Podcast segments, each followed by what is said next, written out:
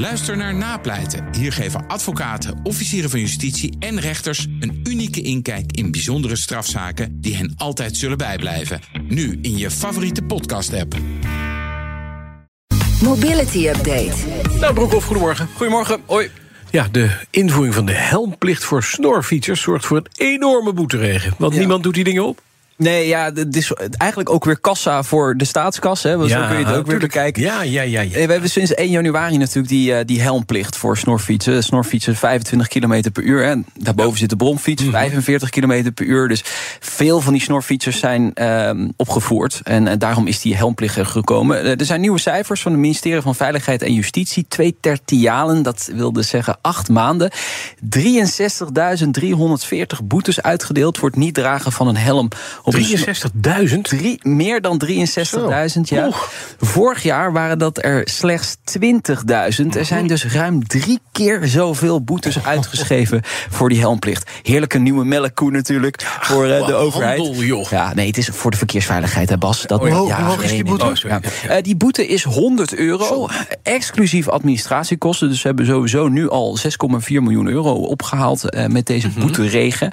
Wat wel jammer is, het is niet uitgesplitst. Hè. Dus ik kan niet helemaal zeggen of het alleen maar snorfietsers zijn of alleen maar bromfietsen. Maar ja, er wordt gehandhaafd. Zoveel is duidelijk. De politie is er druk mee bezig. Dat Eh, ja. blijkt, ja. Eh, dan, de Tweede Kamer uit zijn zorg over de verzaling van het openbaar vervoer in Zeeland. Ja. Is dat er überhaupt nog daar? Nou ja, dat, dat is, dat is het hele verhaal. Ja, Probleem? In die rurale gebieden rijdt geen bus. Nou, dit is wel heel bijzonder, want eh, er is dus een concessie uitgeschreven voor het busvervoer in Zeeland vanaf 2025. Geen enkele vervoerder, geen enkele is geïnteresseerd in die concessie. Ja, ik lach toch, maar dat is eigenlijk diep triest. Zelfs de huidige niet, die er nu rijdt. Wil eigenlijk niet d- horen. nu wel, maar vanaf 2025 eh, is niemand geïnteresseerd. Ehm, ja, dat heeft natuurlijk grote gevolgen voor de bereikbaarheid eh, van Zeeland. Eh, gisteren was het vraaguurtje in de Tweede Kamer. Staatssecretaris Heijnen was daar van infrastructuur. Die garandeert dat de bussen in Zeeland ook na 2025 blijven rijden. Hoe, ja, dat is nog niet helemaal duidelijk. Eh, provincie is op dit moment in gesprek met busvervoerders. Waarom willen die niet rijden in Zeeland? Nou, ik kan het wel vertellen. Het is niet rendabel. Er moet geld bij bij die vervoerders om daar te rijden. Ja, en dat baart de Tweede Kamer dus zorgen. Want ja, dit is voor de eerste keer dat dit echt op deze manier gebeurt. Straks ja, zijn er in meer provincies busbedrijven die zeggen: ja, ik ga daar gewoon niet meer eh, rijden. Dus dan worden buslijnen helemaal geschrapt. Ja, en dan eh, zijn we nog verder van huis. Ja, Letterlijk dan- en figuurlijk. Dan komen we nooit meer thuis. Dat is aan de hand.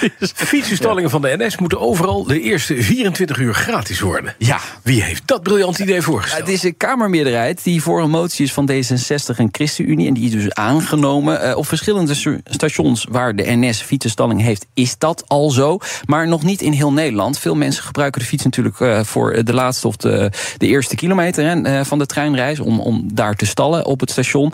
Ja, met de NS is dus afgesproken dat mensen altijd een fiets kwijt moeten kunnen. Maar niet dat dat gratis kan. En dat moet dus nu veranderen Oh, met oké. deze motie.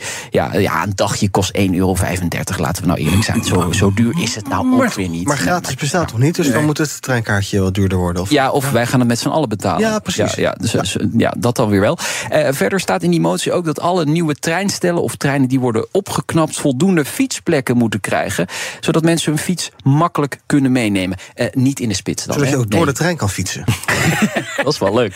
is ja, laten we dit wel Van alleen in de, naar station, briljant laten we dit wel alleen in de daluren doen. Eh, Heel kort, brancheclubs Bovag en Rijvereniging denken dat de automarkt stabiliseert. Het gaat weer wat beter met de verkopen. Ja, de prognose is vrijgegeven. Eh, verkoop nieuwe auto's in 2024, volgend jaar dus 360.000. Ongeveer het aantal wat ze dit jaar ook verwachten. Dus daardoor stabilisatie. Maar het is nog altijd veel minder dan het langjarig gemiddelde. Dat staat namelijk op 400.000. Ook al niet veel. We hebben eh, vroeger jaren er werden er gewoon een half miljoen auto's verkocht in, eh, in Nederland. Ja, de, grootste afleverproblemen, die zijn nu wel achter de rug. Hè. Maar ja, hoe zit het met de nieuwe orders? Er is inflatie. eh, nieuwe auto's zijn eh, vrij duur in Nederland. Zullen de luisteraars ook wel weten. Volledig elektrische auto's voor veel mensen nog geen optie. Te hoge aanschafprijs, te weinig actieradius, stroomprijs omhoog gegaan. Kortom. Geen fantastische vooruitzichten voor de automarkt. Dan vind ik 360.000 eigenlijk nog best veel voor volgend jaar. Ik ben echt benieuwd of we dat gaan halen. Het zal zomaar eens minder kunnen zijn. Je weet het niet. Dankjewel, Nout Broekhoff. Gedaan. Maandag half twee, nieuwe aflevering van BNR Mobility.